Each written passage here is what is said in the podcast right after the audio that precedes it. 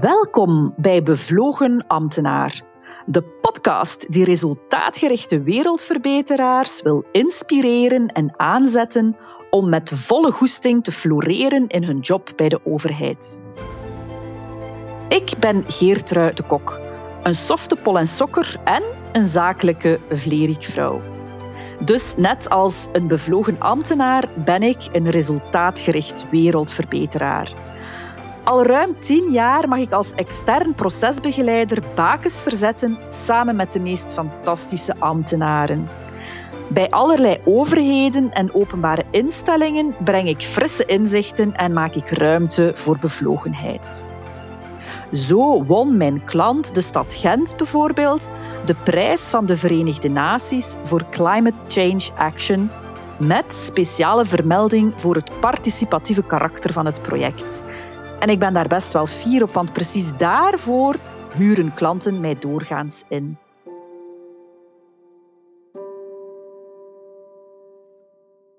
Mensen die mij al langer kennen, die weten dat ik uh, iets met Finland heb. Ik ben daar namelijk voor het eerst terechtgekomen voor een jaar als uitwisselingsstudent in 1988 bij een gezin in een middelbare school. Waarom zeg ik dat jaar 1988? Omdat de wereld toen nog anders was. Er was toen nog de Sovjet-Unie. En voor Finland nog veel belangrijker dan voor ons is dat, is dat natuurlijk omdat zij 2000 kilometer grens hebben met toen de Sovjet-Unie. En toen het jaar nadien, in 1989, de, het ijzeren gordijn wegviel en dus de Sovjet-Unie in gruizelementen uit elkaar viel, is Finland ook in gruizelementen uit elkaar gevallen, zou ik durven zeggen, of toch in een bijzonder zware crisis terechtgekomen.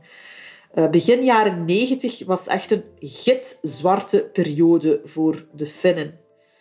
En wat mij bijzonder aanspreekt, ja, misschien ook goed om te weten, is dat ik daarna zelf ook nog aan de universiteit daar gestudeerd heb, net in die zwarte periode. Ik heb daar toen ook mijn thesis gemaakt over de geopolitieke situatie in Finland. En vervolgens ben ik in de Finse papierindustrie beginnen werken. Een multinational, maar dus van Finse origine, met 32.000 werknemers. Dus een zeer groot bedrijf, waar ik in een groot verandertraject uh, ben uh, terechtgekomen. Ik heb Finnen van alle mogelijke soorten en kleuren tegengekomen, hoewel dat er vele zijn met blond haar natuurlijk. Maar uh, van zowel welgestelde mensen tot arbeiders in de fabriek, uh, mensen die in de stad wonen, hippe mensen in de stad, tot mensen die op de boeren buiten wonen. Een vriendin van mij, haar ouders, die zijn varkensboeren bijvoorbeeld. Uh, dus ik, ik, ik ken zowel dat land in zijn dwarsdoorsnede. En ik ben mij beginnen afvragen, want als je dan ziet, toen ik daar in 88 was, vroegen mijn klasgenoten van, als je kunt kiezen uit de hele wereld om een jaar naartoe te gaan, hoe kun je zo stom zijn om een jaar naar Finland te komen? Het is hier donker, het is hier grijs, er is hier een, het is een gat, je kunt hier niets doen, er valt hier niets te beleven. Je hebt hier die Russen naast, naast ons. Waarom zijn je naar hier gekomen? En ik moet eerlijk zeggen dat ik me af en toe ook afgevraagd heb, want Finnen zijn ook heel introverte, gesloten mensen. Het is daar niet alleen buiten koud, ze kunnen ook zelf heel koud zijn. Of dat lijkt zo. Ze hebben gelijk een ijslaag van buiten, maar ze zijn zeer vurig van binnen. Dus het leuke is wel, een keer dat je die echt kent, dan is dat een vriendschap voor de rest van je leven. Nu, waarom zeg ik dat allemaal? Omdat ik... Ja, dat land is gewoon onder mijn vel gekropen. En als ik dan zie van waar dat ze komen, echt in die zwarte periode heb ik daar ook gezeten, dat ze vandaag al voor het vierde jaar op rij de nummer één zijn in de World Happiness Index van de Verenigde Naties. Dus ze zijn het gelukkigste land ter wereld dan vraag ik me ook af van, Jezus, hoe hebben zij dat gedaan op zo'n korte tijd van zo'n zware crisis naar nu de nummer één? Zij doen dat economisch ook zeer goed. Zij, uh, hun baseline is taking care and playing fair. Echt zo dat fair zijn, dat zorgen voor elkaar zit daar heel sterk in. En zij zijn tegelijkertijd ook heel resultaatgericht. En ik ben mij beginnen afvragen en beginnen uitzoeken van hoe hebben zij eigenlijk vanuit zo'n moeilijke, moeilijke situatie. Want die, die geopolitiek, die, die Russen zullen altijd hun buren blijven. Poetin is ook geen cadeau om dat als buurman te hebben. Hoe slagen zij erin om die beperkingen, om die moeilijkheden, om die crisissen, om te buigen en daar het verschil mee te maken. En zo ben ik bij Sisu terechtgekomen. En Sisu, dat is de Finse manier van met moed, kracht en vastberadenheid te werken en te leven. En toen ik daar voor het eerst in 88 was, dan dacht ik, ik was natuurlijk zelf ook zoveel jonger uh, en onervaren, van ja, dat betekent gewoon doorzettingsvermogen. En dat betekent het, maar het is een zeer, zeer, zeer gelaagd fenomeen. En ik ben mij gaan afvragen van, is dat door Sisu dat, dat die zo die beperkingen hebben omgebouwd en omgebogen en dat die daar echt kracht uit geput hebben en het verschil gemaakt? En ja, dat is een zeer belangrijk element. En dus vervolgens heb ik mij ook afgevraagd als Vlaams, als ik kijk naar onze situatie en naar beperkingen en moeilijkheden waar we ook allemaal in zitten, zeker vandaag de dag met het coronaverhaal, wat kunnen wij daaruit leren? En ik wil jullie heel graag leren wat dat SISU is en hoe dat je dat kan toepassen. Wat kunnen wij daaruit leren? We weten het ook allemaal niet. Hoe kunnen we daar kracht uitputten? En dus mijn gesprek van zo dadelijk met Tuomi, Tuomi Kariniemi, zij, zij was mijn klasgenote in, uh, in de middelbare school. En we zijn elkaar eigenlijk nooit echt uit het oog verloren. Maar we hadden toch niet gerealiseerd tot een paar jaar geleden hoe onze professionele carrières eigenlijk wel op elkaar uh, lijken en hoe wij dingen ook uh, gemeenschappelijk hebben. En dus ik ben in gesprek gegaan met Tuomi over Sisu. Hoe zie jij dat, Sisu? En dan ga je direct ook merken dat dat niet iets is waar dat Finnen veel over spreken of mee bezig zijn. Maar het zit, hè, Sisu betekent ook, is een verbastering van het woord buik, hè, guts in het Engels dat komt van heel, heel diep en je spreekt daar eigenlijk niet over. Hè. Finnen die spreken over heel veel dingen niet, maar ze doen het wel en ze zitten daar wel. En dus aan de hand van, een, van, van Tomi, die mijn vriendin is, maar die ook mijn collega is, die bezig is rond uh, lifelong learning, facilitator van verandering. Ze is rond leiderschap en talentprogramma's bezig en zij zet in multinationals, Finse multinationals, wereldwijd zet zij eigenlijk talent- en, en leiderschapsprogramma's uh, op.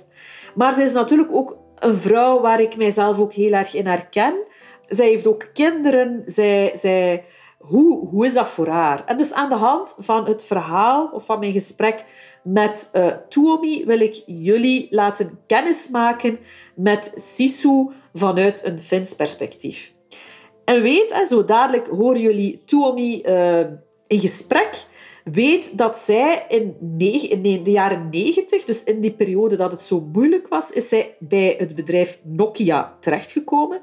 En Nokia is zo het schoolvoorbeeld natuurlijk van in, in die tijd van hoe dat ze uit die crisis zich zijn gaan beginnen heruitvinden. En ze hebben bijvoorbeeld de sms uitgevonden. Uh, dat ze die, die mobilofoon, op een totaal andere manier zijn gaan bekijken. En ze zijn daar een zeer sterke speler uh, in geweest. En hoe dat was voor haar om bij zo'n bedrijf in zo'n omgeving te functioneren. En daar begint ze haar uh, verhaal mee. Ik vind het zelf een heel boeiend gesprek uh, geworden. En het is een beetje gelijk de wijn. Al, ik weet niet of dat, dat vergelijkbaar is, maar het wordt alsmaar beter naar het einde toe. Luister dus zeker uh, tot het einde door. Ik wens jullie heel veel luisterplezier met Tuomi. What was interesting about working for Nokia in the 90s, if I recall right?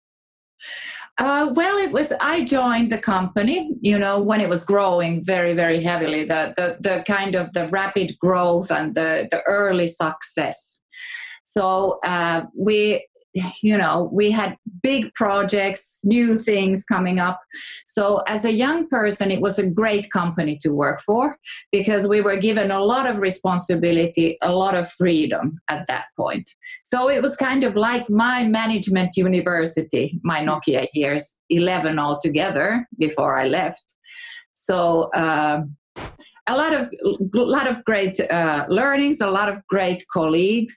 I'm still you know meeting in in the the Finnish business life is kind of full of Nokia, Nokia people. Nokia. So so it's been a really great network as well, of course. It was also there. I think it was in half of the 90s where you first were were like in, into leadership and, and coaching leadership and and you can you tell something about that? Uh, yeah actually i my work was not related to leadership at that point but i had a great my first manager when i entered into the, the kind of business world was uh, was practicing at that point uh, this kind of coaching leadership style. She was very very skilled at that already at that point and it was like a, a leadership philosophy in nokia already at that uh, at that time.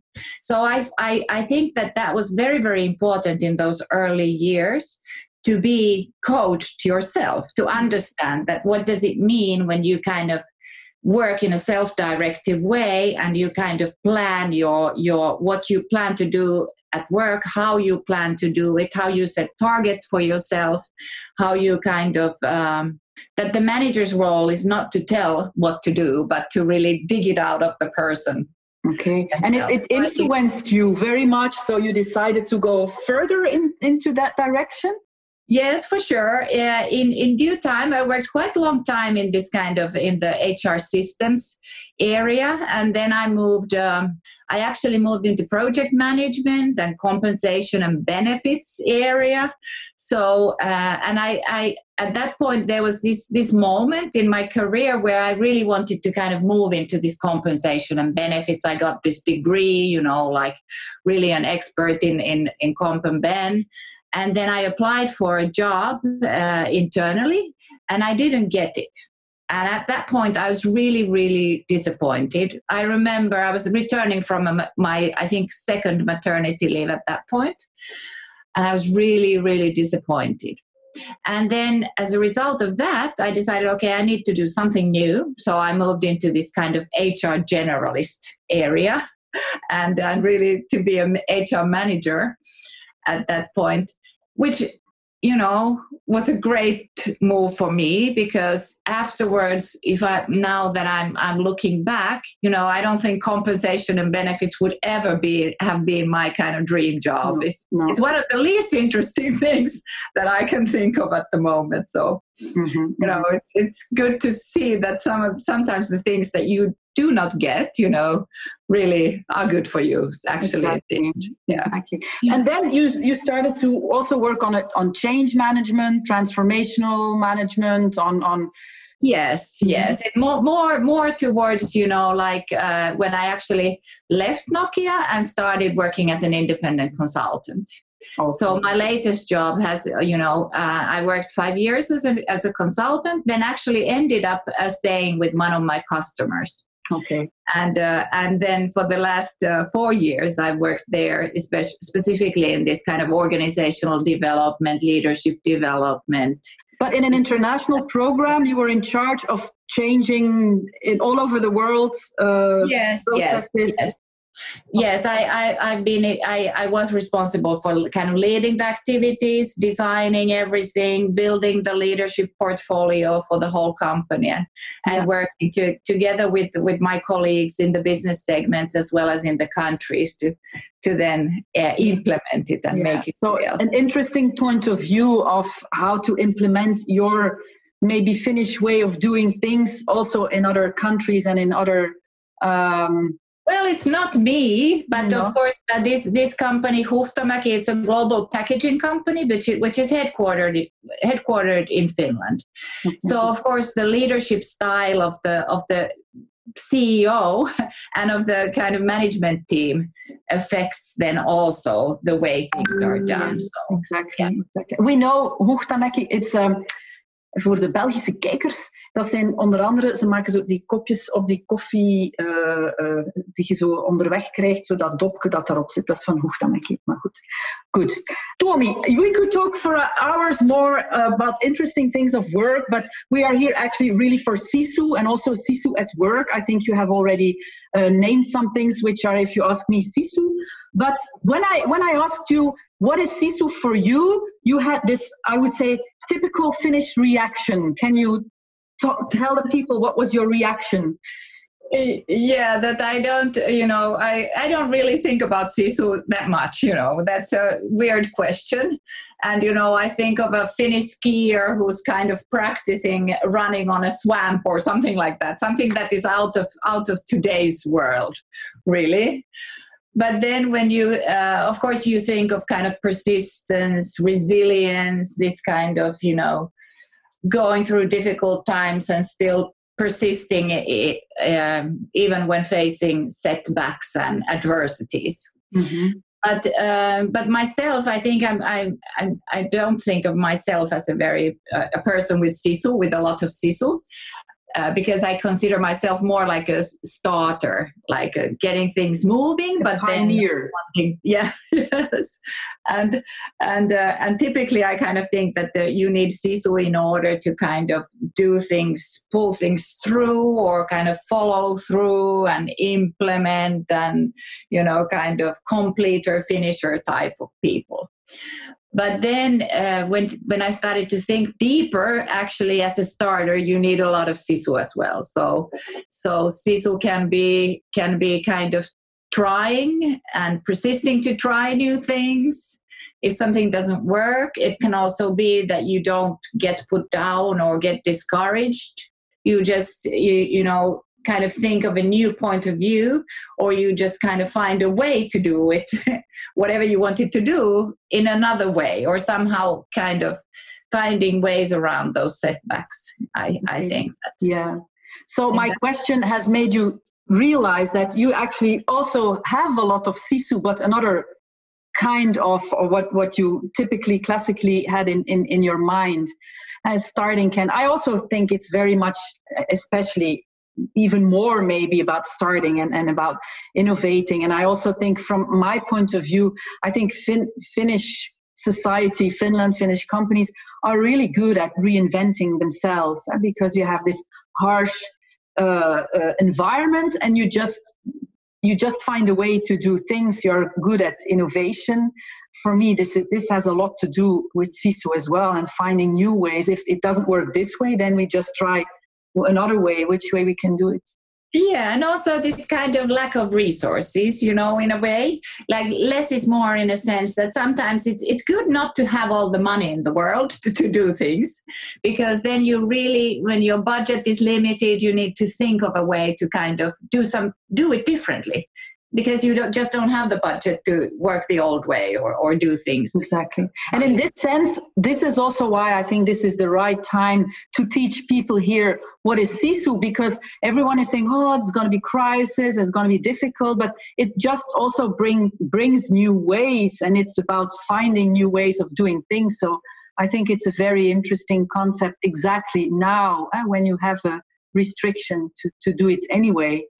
I'm also curious, uh, uh, Tuomi, to to talk or, or or for people to know how you how you teach children your children sisu how how to Finnish women do that Finnish mothers and especially you. Well, uh, we don't think that. Okay, now I'm going to teach my child how to have sisu. No, you have three children, right? I have three children, yes. And how old are they, more or less? Uh, the oldest is now 19, turning 20 this summer, and he's actually currently in the Finnish army. All the all the boys need to go to the army, so he's he's finishing his army assignment tomorrow. And then I have a 17 year old boy and then a 12 year old girl. So yeah, yeah. And how but do you I, teach them? Uh, well, I think that my main, you know, being a working mother, my main thing as a working mother has been to kind of split the responsibilities in the family. My my uh, husband is doing more cooking than I am, actually, and then uh, for the kids as well. I thought I think it's very important for them to have kind of their own role and contribution in the family and uh, just I've, I've kind of refused to do certain household chores uh, at home so so whenever children get to a certain age when they get go into kind of middle school at 12 13 you know they have to start uh, doing their own laundry also the boys you know they they started do, doing their own laundry at that point And then uh, there are a couple of household stuff that I refuse to do. And one of them is kind of filling and emptying the dishwasher. That's also kids' territory, as well as then taking the trash and the recycling stuff, you know, out. So, so and they I, do that automatically, or yes, yeah. yes, not always voluntarily, but you know,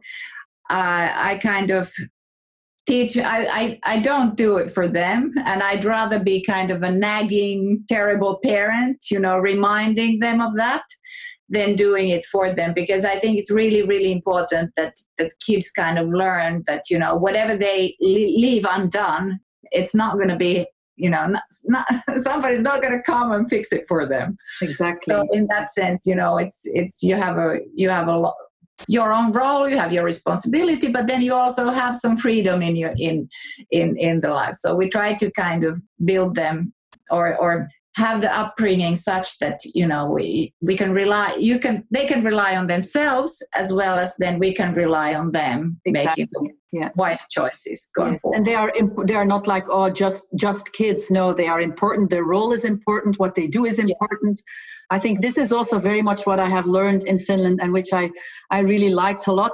Also, when we were talking to prepare this um, interview, uh, you said to me, yeah, my, when I asked how old are your children, you said, yes, but they are grown ups. And then now I realized they're only 20, 17, and 12, and you consider them as grown ups. Like we would never, ever consider a 17 year old as a grown up. And I think this is also very very typical and they when you are 18 you just move out of the house and you you live by yourself which is very very normal so i think that's this taking responsibility is something very very typical yeah of course they're not all that responsible by 17 oh, no. you know, but but anyway it's kind of the, that's the idea that i i want them to yeah.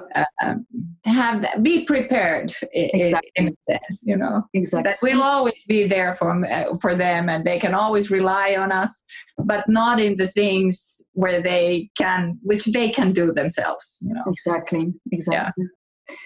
What I so also like a lot about your philosophy, let's say, is that the way you look at failures. Yes, yes, because of course, you know. Um, I've had many failures during my career, and and I still see that you know when when thinking about learning in in general, you know I think that that failing is really really important, and I think that one of the best learnings I personally got has been in the things which I where I failed or where I which I really hasn't gone that well.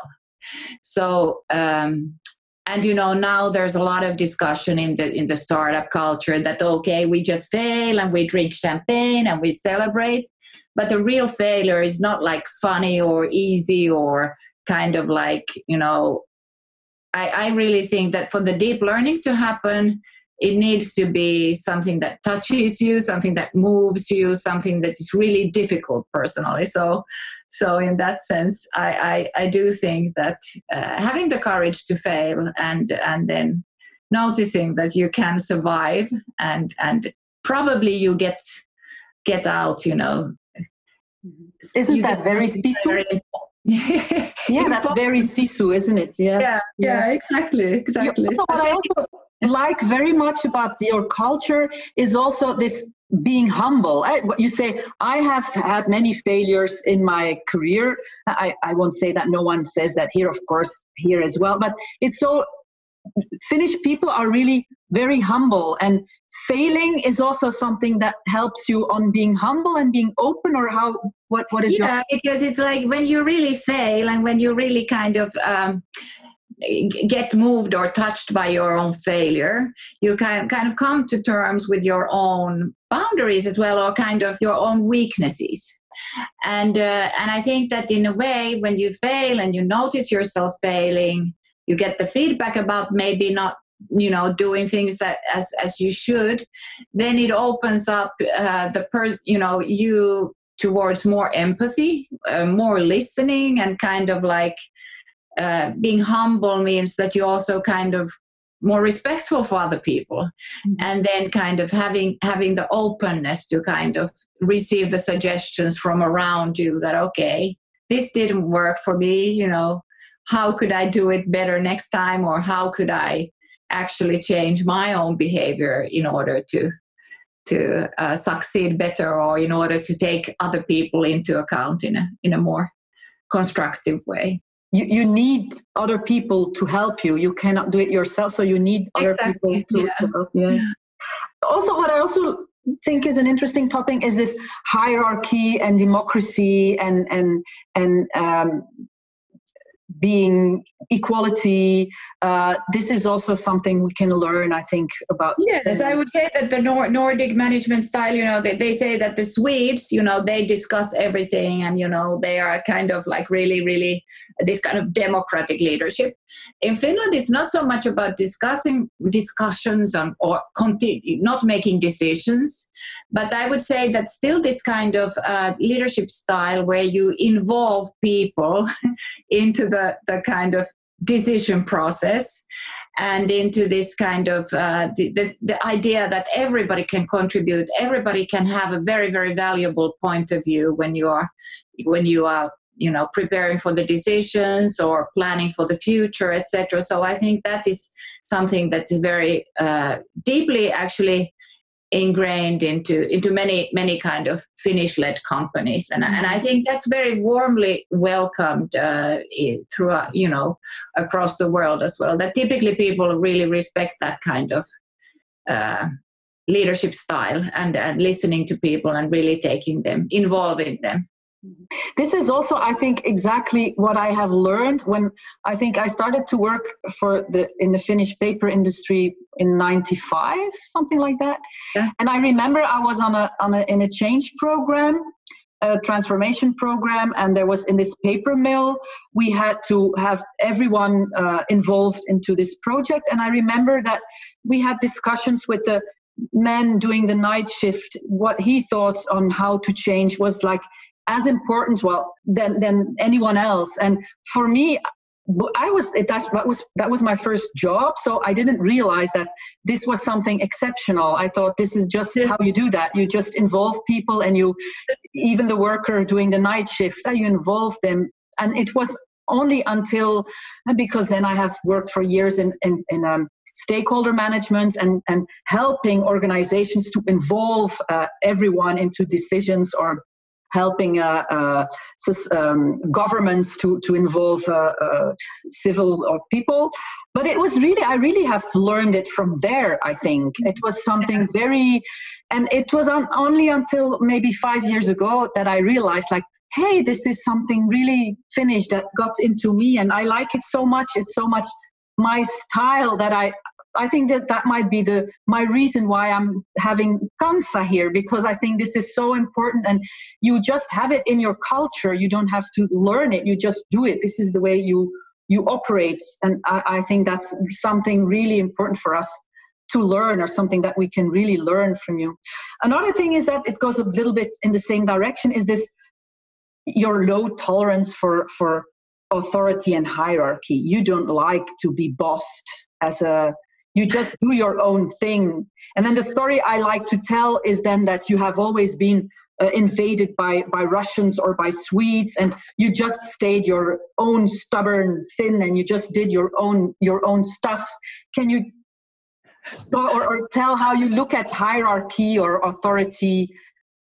Yeah i i think that you you know of course um, as I was explaining, at least you know, in in in, in Nokia, the the hierarchy was it was of course there, but it wasn't kind of um, how would I say it was it wasn't so visible in the daily working life or you know it got during the years it got to be more political. And i think towards the you know it's one of the reasons why you know it didn't go so well at at certain point for for nokia either. But especially in the beginning as i was saying it was like you know there were you could do anything that you kind of you know it was about the results. And there was a lot of money at that point.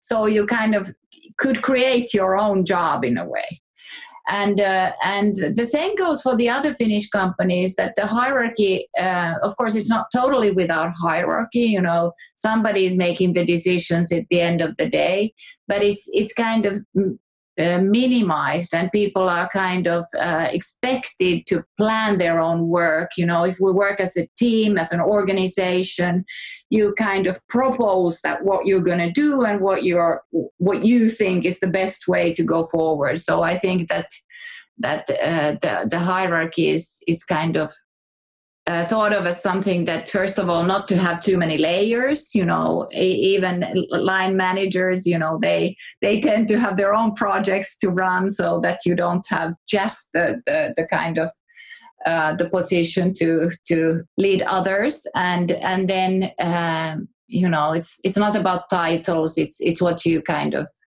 can uh, produce or, or, kind of get as a result in your work. So, mm-hmm, mm-hmm. so I think, of course, of course, there are different kinds of leaders in in Finland as well among the Finnish Finnish, you know, leadership. But I would say that it's it's not so much about you know there are many high level executives who are not that kind of ego centric either so i've come across you know those and, and it's really you, you notice the difference of how, how it feels to work with a person who's kind of not driven by the ego but more like uh, you know trying to facilitate things and kind of drive things forward and uh, with the help of others so yeah. Mm-hmm. what about gender do you has it you have this uh, of course the world's youngest female prime minister I have always experienced that there was no real difference, but in the end, there was still a bit of difference. And it's not that because here we tend to think that oh everything is equal there and it's it's but there's still some some work to be done but how have you experienced gender and equality yeah, well, I think that uh, my my my from my fam- own family, my mother was and is a doctor still is a doctor, and uh, she also always had a, her own career. So in that sense, I I don't didn't get the the model from the home that you know that that I would have a mom who cooks and cleans and blah blah blah. You know, they were discussing medicine with my father, so and i think from my father's side as well you know he's all i'm i've grown up with two boys as well. So so kind of you know he's always thought that you know you can do whatever you want. And you know he's he it's it's kind of self obviously from my from my family that you know girls need to have their own career. And then uh, but but i think that i've also tried to consciously you know make decisions and kind of maintain in a way you know kind of not getting into this this model of mothership that you need to do you know sacrifice yourself for your for your kids and for your husband etc so you know you need to have that kind of level of selfishness. And of course you know sometimes i i, I feel inadequate you know or failing. I'm not the best mother in the world but you know then again you know that's you your, know, your humble, your humbleness. I'm sure yeah. you're a good mother, Tuomi. no, but it's Maybe like you know, I'm not only a mother. I, I, I think that you know the best example that I can give to my children is to you know kind of also not not lose my own dreams or to to kind of sacrifice for others to kind of keep keep having a, a balance in the life. I think is important. Exactly. Yeah. Exactly. Yeah. yeah. Yeah. And then unfortunately, time is almost up. Uh, I would love to talk to you maybe another time, and we will see. But I'm also you. You are writing a book right now, and you also told me about leaving your comfort zone. You have this really very interesting job at Huhtamäki, where you have been traveling the world, uh, implementing change projects, something really interesting to do. But then after four years, you were planning it for the fifth year, and you thought, hmm, I have done that before. So yeah yeah. So as I, as I, as you said you know i'm currently on a sabbatical leave and uh, writing my my first uh, novel which is due to come out next year. It's a fiction novel so that's one dream come true of course. But then you know as i decided to apply for this sabbatical i you know i i talked with my manager and kind of said that you know that they better hire somebody to replace me because i didn't feel anymore that you know that i was even though my job was really really interesting you know but but uh, I, I think I need to do something else. You know, when whenever the sabbatical is over, maybe I'll go back to another role, to something new. Maybe I'll I'll do something totally different. But you know, they needed to hire a permanent replacement for me because I wasn't going to stick around anymore doing that. Because and that's something that I feel is very important. This kind of noticing yourself when you're kind of losing that energy and drive and enthusiasm and really thinking having that gut feel that hey now i'm not uh, super motivated or excited about this job anymore so i need to do something something and would it be would you need then also to have some sisu to do that? Because you you leave this certainty and you need to have some resilience to dare to do this Yes, of course. Uh, I I think that uh, yeah, a lot of people in in the company was how how can you do this? And you know, you are so brave, and aren't you afraid? Of course, I'm kind of afraid, but you know, when you, I've done it once already, I left a high paying job in in one company to start my kind of independent consulting career and for the first half six months you know i was losing sleep and it was terrible. And you know but once it starts rolling then it's kind of like you notice that new opportunities come up every day. And it's kind of uh, very important to be able to of course it depends on personal circumstances. My my situation now is that you know financially it's not about having the job you know tomorrow but still you know there's that that fear and uncertainty. At this age you know what what will i find? Will i find something interesting something better something you know what what will it be? But on the other hand i also learned to enjoy that uncertainty in in my consulting years. And I, I really came to kind of like the idea of not knowing what you will do in half a year because trusting really, trusting that there will come something? Something will come up yes. And then that you know it's kind of nice not not having to you know kind of plan so much ahead. Because then you're really start to look at the environment in a totally different way. You start having different conversations. You start start kind of opening up again to the to the opportunities that there are in the world rather than kind of single-handedly focusing on on on your task list, so to say. Tuomi, I think this is a perfect final thought that it's okay not to know what's coming next. And I think yes. this is exactly also what we all are facing right now. Thank you very, very much for this talk on my sofa, and I hope to be seeing you again soon. Bye bye. Thank you. Bye bye. Thank you. Dat was het voor vandaag. Ik ben heel benieuwd wat jij van deze aflevering vond en welke inzichten en inspiratie jij eruit hebt gehaald. Vond je het waardevol? Dan wil je de volgende afleveringen waarschijnlijk niet missen. En dan kan je je abonneren op de podcast in iTunes, Spotify of Google Podcasts. Luister je via Apple, dan maak je mij heel blij door een review te schrijven over deze podcast.